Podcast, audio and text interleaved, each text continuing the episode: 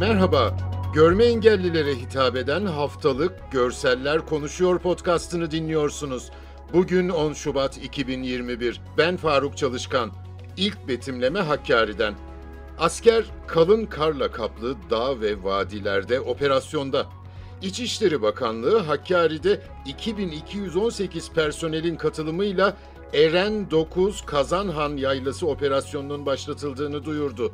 Bakanlıktan yapılan açıklamaya göre bölücü terör örgütünü ülke gündeminden tamamen çıkarmak ve bölgede barındığı düşünülen teröristleri etkisiz hale getirmek amacıyla yapılan operasyona jandarma komando, jandarma özel harekat, polis özel harekat ve güvenlik korucu timlerinden oluşan 129 operasyonel tim katılıyor.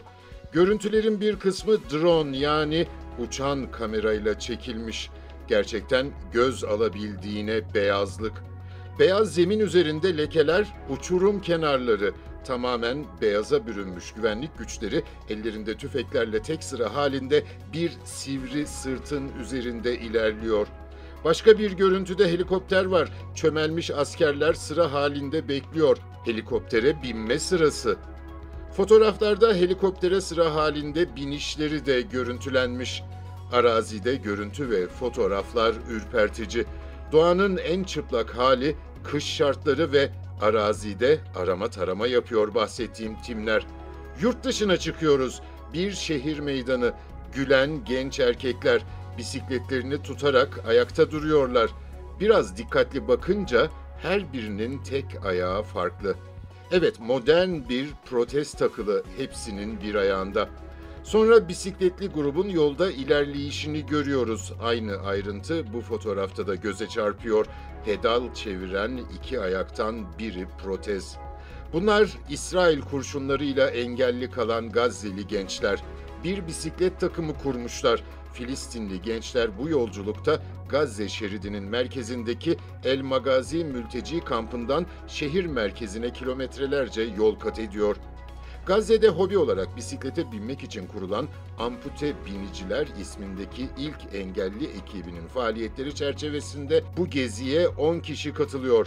Ekibin kurucularından Ebu Nar Anadolu Ajansı'na yaptığı açıklamada ekibin engelli kişileri topluma geri kazandırmayı ve engelli duruma düşmeden önceki hayatlarına dönmelerine yardımcı olmayı amaçladığını söyledi. Mart 2018'de Gazze şeridinin doğu sınırlarında başlayan büyük dönüş yürüyüşüne katıldığı sırada İsrail kurşunlarıyla ayağını kaybeden Ebu Nar, engelli kalması sonucu psikolojik baskı ve fiziksel acı yaşadığını anlattı. Ebu Nar yaşadığı baskı ve sıkıntılı sürecin kendisini rehabilite etmek için bu ekibi kurma fikrine yönelttiğini ifade etti. Ayaklarını kaybetmiş insanlar için bisiklet takımı kurma fikrinin birkaç ay önce aklına geldiğini ifade eden Ebu Nar, ilk başta Gazze'deki engelli kişilerin bir araya getirildiğini, daha sonra pratik adımlar atıldığını aktardı.